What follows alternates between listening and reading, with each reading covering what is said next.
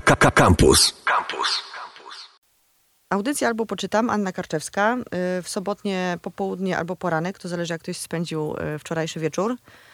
Y, Jest brzydko, zimno i pogoda jest nieprzysiadalna, więc zabawimy Was rozmową o końcach świata i apokalipsach i kulturowym podejściu do tego tematu. Moim gościem jest Maciek Jakubowiak. Cześć. Cześć. Maciek jest, uwaga, eseistą, krytykiem literackim, redaktorem dwutygodnika i autorem książki Nieuchronny Plagiat oraz autorem książki mm, Ostatni Ludzie, o której będziemy dzisiaj y, rozmawiać. Książkę wydało wydawnictwo Czarne y, bardzo niedawno temu, więc y, pewnie jeszcze niewielu z Was miało okazję przeczytać, ale zrobimy tak, żebyście mieli na to ogromną ochotę po dzisiejszej audycji. Mm, Ja chciałam streścić, o czym jest ta książka, albo chociaż tak powiedzieć takiego jakiegoś zgrabnego blerba, ale nie umiem tego zrobić do końca, bo jest napisane, że to jest książka o końcach świata, a dla mnie to jest książka o radzeniu sobie ze światem bardziej. Więc uznałam, że najwygodniej z mojej perspektywy będzie spytać ciebie, o czym jest ta książka. No to pięknie powiedziane, że o radzeniu sobie ze światem. E, no koniec świata to jest najlepszy sposób na to, żeby sobie poradzić ze światem. Nie? Najlepiej go skończyć, się zamknąć i wybuchnąć. E, wtedy już nie ma żadnych problemów. No to jest książka o tym, mm, trochę o tym, o czym mówi podtytuł, znaczy o wymyślaniu końców świata, o tym, jak sobie fantazjujemy, o tym, jak wszystko się skończy i dlaczego sobie fantazjujemy, do czego nam to jest potrzebne i o tym, co z tego wynika, że robimy tak właściwie nieustannie. Od E, bardzo, bardzo dawna zresztą. tak, tak, od bardzo dawna, ale no, nieustannie i, i, i, i, i to wciąż aktualne. Ja miałam taki, taki pomysł, żeby ci zadać pytanie i chyba zrobię to, y, chociaż nie jest to najrozsądniejsze pytanie w tym kontekście, o twój ulubiony koniec świata. Gdybyś ty miał skończyć świat i wymyślić sobie jakąś apokalipsę taką, miałbyś miał do wyboru na przykład cztery różne, to która by była takim numerem jeden dla ciebie? O rany. No? Nawet o tym nie pomyślałem, kiedy to Ha, pisałem. Ha, dobrze. a powinienem, nie? E, ale piszę o tym na wszelki wypadek. E, jest tam taki kawałeczek, kiedy jeden z bohaterów tej książki przechadza się i trochę się boi różnych końców świata, które się skradają e, do jego stóp i myśli sobie, że to wszystko jest tak strasznie skomplikowane i tak przerażające, że może byłoby już łatwiej, gdyby spadła na Ziemię asteroida. Czy jednak gwałtowny koniec? Chyba tak. Chyba tak. Wszyscy, wszyscy naraz, wszyscy razem, tak żeby się za bardzo nie martwić. Ja jestem jakoś tak w opcji apokalipsa zombie. W sensie tak, że zostaje niewiele osób, ci ostatni ludzie na świecie i trzeba jakoś tak trochę powalczyć jeszcze y, o to, żeby przeżyć. To mi się wydaje jakoś takie bardziej, mm, nie wiem, sprawiedliwe? Ale to jest bardzo optymistyczny scenariusz To prawda. e, w tej powieści. To w ogóle cała ta moja książka taka jest. Nie? Znaczy próbuję coś opowiedzieć i od razu tam się uruchamiają skojarzenia w tej powieści, w tamtym filmie, w tych memach, w tej gierce, w którą graliśmy w latach 80. Nie, nie grałem jeszcze wtedy w żadne gierki. E, natomiast e, jest taka książka, Jestem legendą. Były potem filmy, kilka filmów. e, Z ten- Willem Smithem, prawda? Ten, ten, ta, ta najnowsza wersja to jest z Willem Smithem, który, który ma psa i puste miasto dla siebie, ale to jest oparte na powieści. Powieść była dość popularna. No i tam jest taki chwyt, y, do którego apokalipsy zombie i wampiryczne, bo tam chodzi o wampiry, e, niechętnie powracały później. To znaczy w pewnym, będzie, uwaga, spoiler, będzie spoiler. W książce chyba też jest trochę spoilerów. W ogóle spoilery to apokaliptyczna sprawa. No więc... Y, tam ostatecznie okazuje się, że ten, że ten ostatni człowiek na Ziemi musi sobie uświadomić, że to nie wampiry są dla niego zagrożeniem i że to nie on powinien je e, uzdrowić, tylko że to on stał się wampirem dla tych wampirów. I Czyli jest pasożytem na, na y, świecie, który był kiedyś jego. tak, tak, że jego czas minął. To jest, y, tak, to też jest taka, takie podejście, które jest mi bliskie. Ja w ogóle bardzo lubię myśleć o końcach świata. E, Dużą przyjemność mi sprawiło czytanie tej książki, bo jest tam faktycznie bardzo dużo odniesień do literatury i do filmu, do memów, e, do wszystkiego w zasadzie, co wytworzyła popkultura i kultura. Bo zastanawiałam się właśnie, czy Welbeck i Ostatni Brzeg e, Szatla, tak to się mówi? Szat. Po prostu szat. E, Neville szat. Neville Szat. Czy to, są, czy to już jest popkultura, czy jeszcze kultura e, wysoka? Ja nie lubię chyba tego podziału w ogóle. czy mam, może być popkulturą? trochę mnie to nie interesuje. To Znaczy wrzucam do tej książki wszystko, wszystko co wydaje mi się ciekawe. I jakieś takie e, trochę naciągane powieści science fiction i tego Welbecka, któremu niektórzy dawaliby Nobla. E, więc no nie, wszystko, Jest wszystko co się Atwood, przydaje. której też niektórzy daliby Nobla. No pewnie, to jest nawet, jest nawet Beckett. Foster Wallace, tak, końcówka Jest- Becketta oczywiście. Tak, więc no, wrzucam, wrzucam te wszystkie rzeczy trochę też w takim, powiedzmy, prowokacyjnym geście. To znaczy, no, wydaje mi się, że tak kultura w ogóle działa. I tak je- jedno, jedną, jednym z tematów tej książki, jedną z rzeczy, o których ta książka opowiada, jest takie no, głębokie zanurzenie w kulturze. I wydaje mi się, że tak to działa. Nie? To znaczy, w jednej chwili oglądamy śmieszne memy, a w drugiej chwili czytamy jakieś, jakie, jakąś poważną literaturę, potem czytamy doniesienia prasowe. To się trochę miesza w głowach, nie? No ja pamiętam właśnie, wrócił do mnie taki obrazek, jak usłyszałam w grudniu, to jest 2019 roku w radio, e, jakimiś z wesołymi piosenkami o poranku, o tym, że jest jakiś wirus w Chinach. I pamiętam, że wyszłam z łazienki i powiedziałam do swojego chłopaka, ale by było ja, jak gdyby to był początek apokalipsy.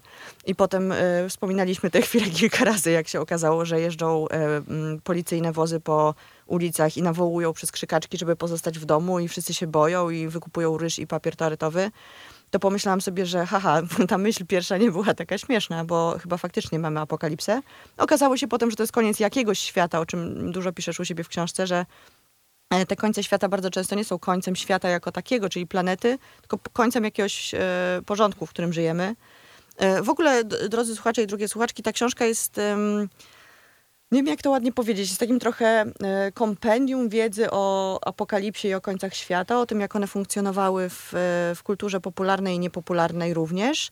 E, I daje bardzo dużo takich e, ścieżek, e, którymi możemy podążać, i, i potem pewnie wrócimy do tych tytułów, które tam się często pojawiają. Jakby ktoś chciał poczytać po prostu książki o sposobie kończenia historii ludzkości, to, to tam ma dużo podpowiedzi. Jest dużo filmów, niektórych nawet nie widziałam, co jakby zdarza się dosyć rzadko w moim życiu niestety, bo ja uwielbiam tego typu filmy. E, I są te memy, których ja w ogóle nie znałam, muszę się przyznać, więc e, siedziałam i e, wpisywałam sobie wojaka i śmieszną żabę, której już teraz nie pamiętam, jak się nazywała. Pepe. Nie znasz Pepe? Nie, nie znałam żaby Pepe, która została maskotką skrajnej prawicy amerykańskiej. To jest w ogóle bardzo pokręcona historia, ale tak, historia. ale tak. W pewnym momencie Pepe, Pepe miał wąsy Hitlera, w pewnym momencie Pepe był Donaldem Trumpem, w pewnym momencie mm, Pepe robił, robił bardzo brzydkie rzeczy i został wciągnięty na listę obraźliwych symboli przez bardzo poważne amerykańskie instytucje. Ale niektórzy wciąż e, próbują odzyskać Pepe. No, Pepe zaczynał po prostu jako śmieszna żaba. No. Mhm. Co też jest znaczące dla naszej kultury, że e, coś zaczyna jako e, śmieszny, śmieszny symbol, śmieszny mem albo e, fragment komiksu, a kończy się na tym, że jest po prostu e, bardzo ważnym symbolem dla jakiejś grupy ludzi. Jak czytałem sobie twoją książkę i tam było napisane o tym, że w, do 2012 roku, czego nie byłam świadoma, w polskich szkołach przysposobienie obronne cały czas jeszcze było obowiązującym em, przedmiotem. E, Jak rozumiem, to jest liceum, prawda? Bo to ja nie wiem, czy to w podstawówkach już było. Tak, chyba w liceum. Też się zdziwiłem, że tak długo. E, A ja się nie zdziwiłam, że długo, bo, bo to Polska, ale zaczęłam się zastanawiać, jakby teraz miało wyglądać e, kurikulum takiego przedmiotu jak przysposobienie obronne. Czy na przykład uczylibyśmy dzieci szybko biegać i hodować sałatę w ogródku, czy nie wiem, myć ręce, czy być, nie wiem, nieufnym wobec innych ludzi? Jakby to mogło wyglądać? No bo jak się przygotować na apokalipsę, która no, troszeczkę jakby nadciąga, bo mamy ten e, gigantyczny kryzys klimatyczny, upadek demokracji i w ogóle jeszcze wiele innych rzeczy, które nad nami wiszą. Super ciekawe pytanie, e, bo przysposobienie obronne to był taki, taki praktyczny prepping na koniec świata, tylko że no, robiony w takim paradygmacie, o którym już trochę zapominamy, to znaczy takim państwowym. Nie? To znaczy, No i to była wojna nuklearna głównie, nie? Tak, tak. No chodziło, no, no takie w ogóle przysposobienie obronne. Pewnie nam o tym nie mówiono w liceum. Ja się o tym dowiedziałem dosyć późno, że tak naprawdę to był pomysł e, związany z zimną wojną, Mhm. który miał służyć temu, żeby populacje całych krajów e, potencjalnie zagrożonych w- wybuchem jądrowym, wybuchem bom- bomby e, jądrowej, żeby przygotować na, na jakieś działania ewakuacyjne, na zabezpieczenie się, na, na przeżycie po prostu. Mhm. E, no więc tego rodzaju, tego rodzaju zajęcia przeprowadzano w Związku Radzieckim, w Polsce, w Niemczech, oczywiście w Wielkiej Brytanii, w Stanach Zjednoczonych, praktycznie no, w całym świecie e, zachodu, ale też w niektórych krajach południa. No i co się okazało? Czytałem fantastyczną książkę byłego brytyjskiego dyplomaty e, Rodrika Braithwaite'a, Armagedon i Paranoja. No i on tam dokopuje się dokument, do dokumentów, zarówno amerykańskich, jak e, sowieckich, z których wynika, że żaden polityk poważnie tych scenariuszy nie traktował.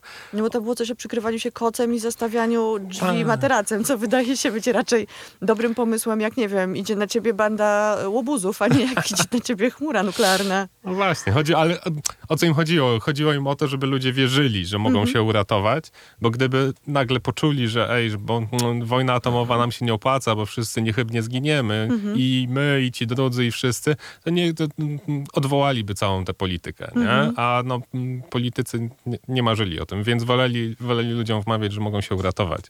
To mnie, to E, mi z kolei do, doprowadziło do, e, do przypomnienia sobie sceny z e, Fight Clubu, gdzie e, Tyler Durden w samolocie mówi do swojego współpasażera, że tlen jest oxy, oxygen make you high, czyli ten jakby tlen nie ma sprawić, że przeżyjesz, tylko że po prostu twoja śmierć będzie łatwiejsza.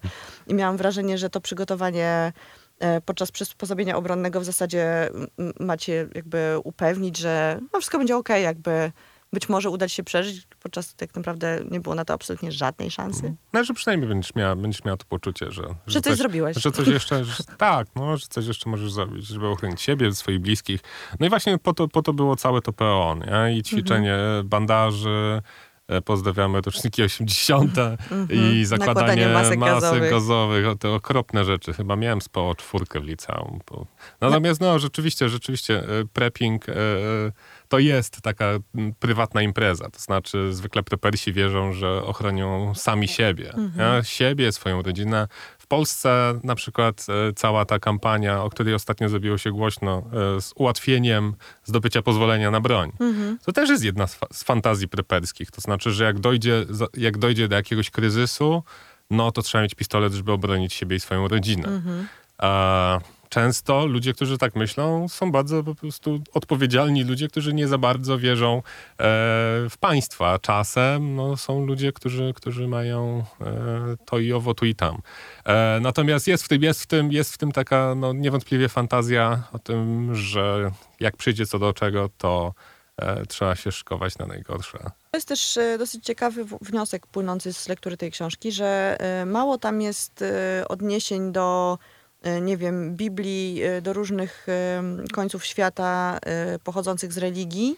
Mało tam jest e, mitologii, a dużo tam jest tak naprawdę polityki i, i społeczeństwa w tym wszystkim i, i, i takiego mm, takiej konstatacji, że właśnie jakby ten koniec świata, czy tam strach przed końcem świata jest mm, tak naprawdę sterowany przez e, władców świata różnego rodzaju e, i tych politycznych, i tych e, finansowych właśnie, po coś. I właśnie teraz pytanie, po co jest nam ten koniec świata jako, jako społeczeństwom, społeczeństwu ogólnoludzkiemu? Bo w Polsce to co Mhm. innego trochę. No, do bardzo różnych rzeczy się przydawał. I przydaje e, do tego, żebyśmy sobie jakoś usensownili to wszystko, co się dzieje, żebyśmy sobie wyobrazili, że kiedyś to dojdzie do jakiegoś sensownego końca, jak dobrze skrojona opowieść, nie? która ma początek i koniec, a na końcu dowiadujemy się, jak to było z bohaterami. Więc I są to, no, no, więc tak, tak. I wtedy dowiadujemy się, kto tak naprawdę stworzył tę historię, nie? To jest jedna z tych praw, które, o których marzymy. E, więc to, no, czasem, bo mamy takie no, silne poczucie sprawiedliwości, nie? że teraz, teraz może jesteśmy dobrymi ludźmi, ale nam się nie powodzi, ale jak się skończy, to wtedy wystąpimy w chwale, a ci, co nas gnębili, to będą pognębieni, nie? E, więc to jest jedna, jedna z, takich, e, z takich silnych potrzeb, która, no, które, które sprawiały, że, że ta opowieść o końcu świata, ona powraca wciąż i wciąż i wciąż. Tak naprawdę e, opowieść o końcu świata to jest odwrotność opowieści o początku świata. Za, za każdym razem, jak sobie opowiadamy, że świat zaczął się tego, tego i tego dnia, to zwykle e, od razu opowiadamy sobie o tym, kiedy się skończy. Nie? Tak jak wszystko, coś, co się zaczyna, musi się skończyć. Nie? E, no i faktycznie tak historycznie rzecz biorąc, o apokalipsy to zwykle były takie historie, które opowiadały sobie grupy ludzi e, w nie najlepszej sytuacji życiowej. Nie? Na przykład wcześni chrześcijanie, którzy rekrutowali się e, z proletariatu, e, spośród rybaków, mieszkańców, mieszkańców prowincji, z najniższych klas. No oni wierzyli właśnie w to, że niedługo czas się skończy, że tak naprawdę niedługo, że za ich życia, nie? I że jeżeli oni będą dobrze żyć, no to za chwilę przyjdzie Mesjasz i wszystko poustawia e, tak jak trzeba i będzie okej. E, Potem zaczęły się dziwne rzeczy z tą historią dziać, bo okazało się, że ten Mesjasz jakoś nie przychodzi. Ale wszyscy na niego czekają. No i w pewnym momencie e, e, władcy, nie? w końcu cesarze e, rzymscy zorientowali się, że to jest świetna historia, mhm. żeby ludzi kontrolować. Nie? To znaczy, jeżeli oni tak czekają na ten koniec świata, no to trzeba podsycać w nich ten strach, że muszą się mm, mm, odpowiednio zachowywać, bo, bo, bo koniec jest bliski. E, ale że jak oni się tak boją, to nie będą się buntować. Mhm. I w gruncie rzeczy jakby to tak idzie w dwie strony. To znaczy z jednej strony opowiadamy sobie o końcach świata, jak, jak, jak, jak jest nam źle, a z drugiej strony opowiada się nam o końcach świata, żeby było nam jeszcze gorzej. Mhm. E, natomiast, no tak jak wspomniałaś, ta książka jest o tym, jak, jak to sobie opowiadamy dzisiaj. Nie? Dlatego te schematy biblijne jakoś mnie interesują, ale tylko i wyłącznie jako schematy. Nie? Mhm. E, natomiast y, dzisiaj współcześnie wkładamy sobie w te, w te schematy narracyjne zupełnie aktualne lęki. Nie? nie boimy, nie boimy się już zaćmienia słońca, tak jak, mhm. e, tak jak w starożytności. No, dzisiaj boimy się kryzysu klimatycznego, dzisiaj boimy się technologii, dzisiaj boimy się nieprzewidywalnych polityków. Mhm. No dobra, to teraz zrobimy przerwę na piosenkę, a potem sobie wrócimy i porozmawiamy o tym, dlaczego w Polsce narracja y, post-apo y, ma sens i się sprawdza w y, polityce współczesnej. Rozmawiamy o książce Ostatni Ludzie, która wyszła nakładem wydawnictwa Czarne niedawno i opowiada w dużym skrócie o końcach świata i sposobach opowiadania tych końców świata i o tym, po co są te końce świata wymyślane. Trochę porozmawialiśmy wcześniej na temat tego, czego dzieci się powinny uczyć na PO, a nie wymyśliliśmy jeszcze. Wymyśliłam, że szybko biegać. I dlaczego y, jedne apokalipsy są lepsze, a inne są gorsze. Natomiast teraz y, chciałabym, żebyś rozwinął taką myśl, która mi się jakoś specjalnie y, spodobała w tej twojej książce. Czyli to, że w, we współczesnej Polsce łatwo jest opowiadać taką narrację, jak jest w post-apo, taką zagrożeniową właśnie, jakby sprawować przez to e, władzę nad umysłami ludzkimi, bo e, koniec końców o tym jest wymyślanie końców świata. I napisałeś tam taką ciekawą rzecz, że jakby mm, w momencie, kiedy nastąpiła katastrofa smoleńska, i tu wchodzimy na politykę trochę, ale prze, przejdźmy się po niej, nie ubłocając sobie stóp. Po katastrofie smoleńskiej narracja typu świat się skończył, musimy go wymyślić na nowo i wszystkie, znaczy rules don't apply, tak? E, dlaczego to w ogóle jest możliwe w współczesnym dyskursie politycznym? Opowiedz, bo to jest bardzo ciekawy moment e, w książce. No, to jest, no jest złożona historia. Pewnie trzeba by zacząć co? Od e, hmm, takiego e, filozofa Francisa Fukuyamy, który twierdził e, na przełomie lat 80. i 90., że historia się skończyła mhm. i że dotarliśmy do takiej liberalno-kapitalistycznej utopii, w której będzie nam tylko lepiej, lepiej, lepiej. Oczywiście mhm. Polska w latach, we wczesnych latach 90. niespecjalnie nadawała się na taką utopię, ale wszyscy chcieli wierzyć w to, że, że, że niedługo, niedługo tam już będziemy. Mhm. No i co? No i wtedy przez dwie kadencje rządziła Platforma Obywatelska, która była wzorowym wcieleniem tej ideologii. To znaczy mhm. wierzyła, że jeżeli tylko Polska doszlusuje do Zachodu, no to, no to wszystko, wszystko będzie dobrze, wszystko będzie cacy, musimy tylko wybudować autostradę. Mm-hmm. No i wiadomo, że przez, przez lata y, partia y, braci Kaczyńskich na różne sposoby próbowała dobrać się do tej nadacji, ale ona mm-hmm. dla wielu ludzi była szalenie atrakcyjna, nie? Mm-hmm.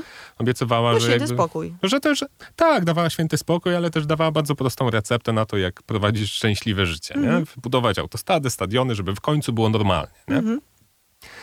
E, no i Kaczyńscy na różne sprawdzali różne sposoby, jak można by zakwestionować te mhm. nadacje. Próbowali trochę z takim podkręceniem nadacji patriotycznej, nie? E, między innymi no, związanej z Powstaniem Warszawskim. Zresztą Powstanie Warszawskie to też było takie wydarzenie. Mhm.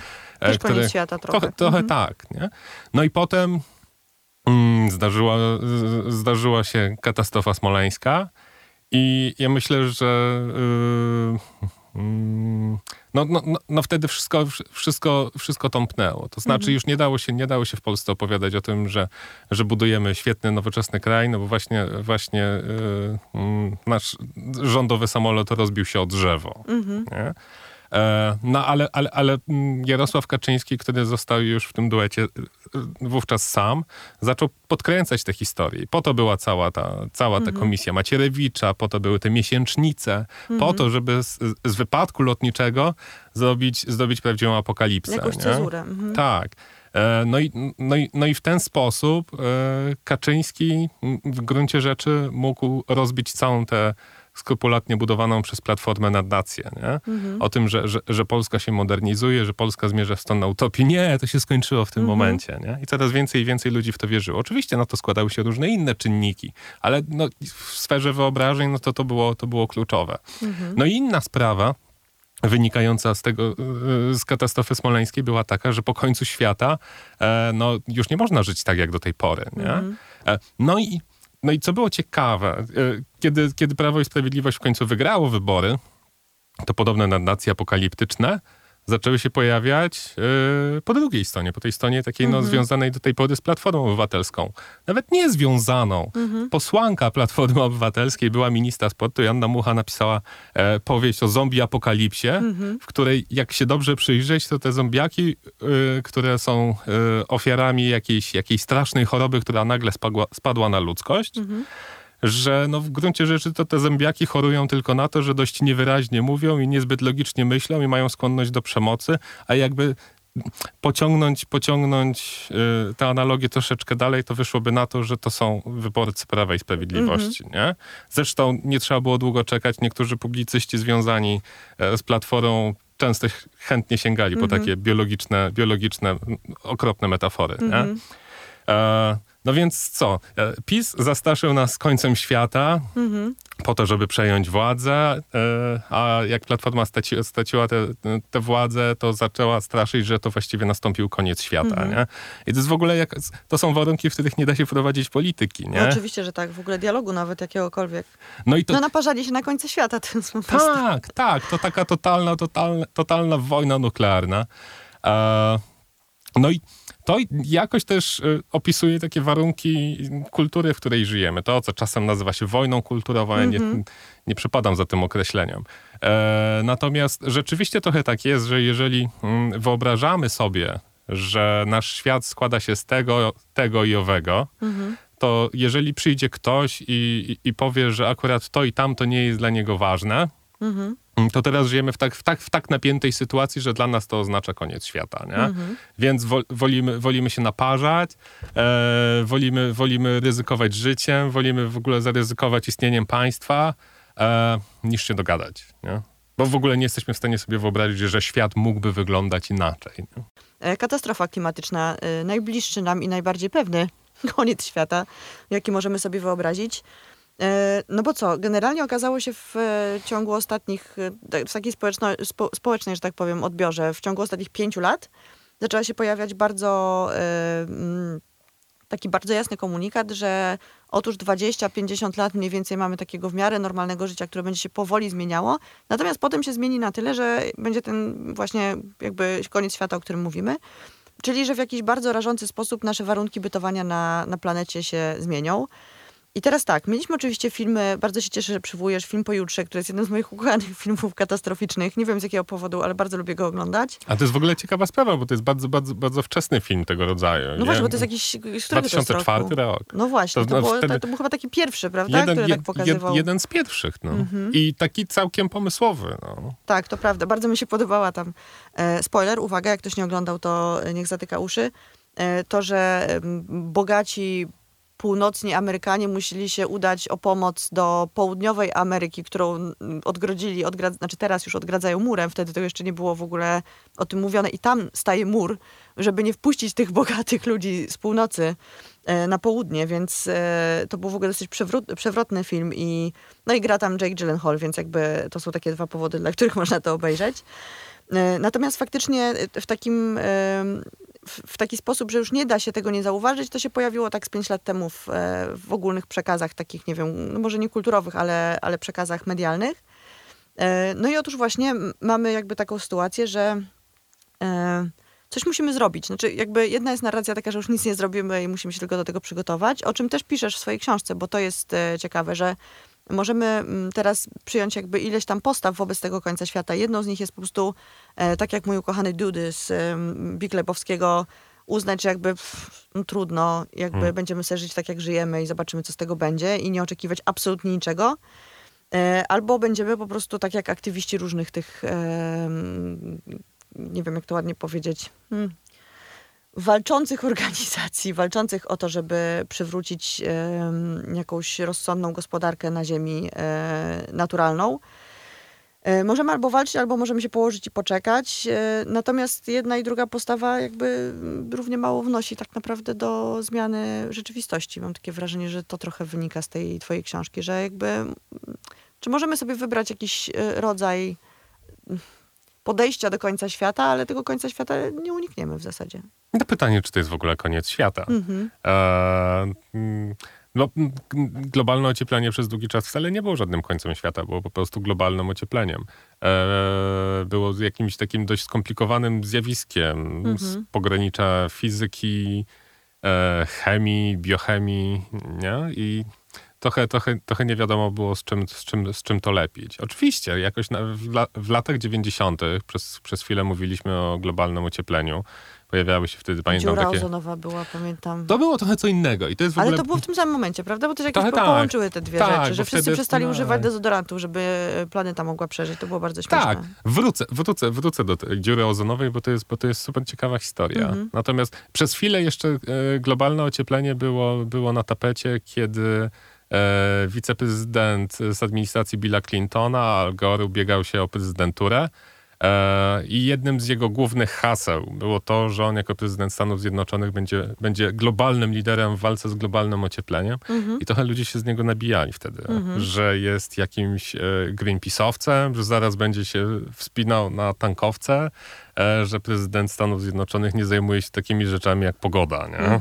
E, to, to, było, to było co niespełna 20 lat temu. No właśnie. E, no a potem, potem, potem to jakoś, jakoś przycichło. Przycichło też nie przypadkiem, to znaczy te wybory z Alem Gorem wygrał George W. Bush, k- e, który przez dwie kadencje no, aktywnie wspierał taką politykę, e, e, która no, zasadniczo negowała istnienie globalnego ocieplenia. Nie?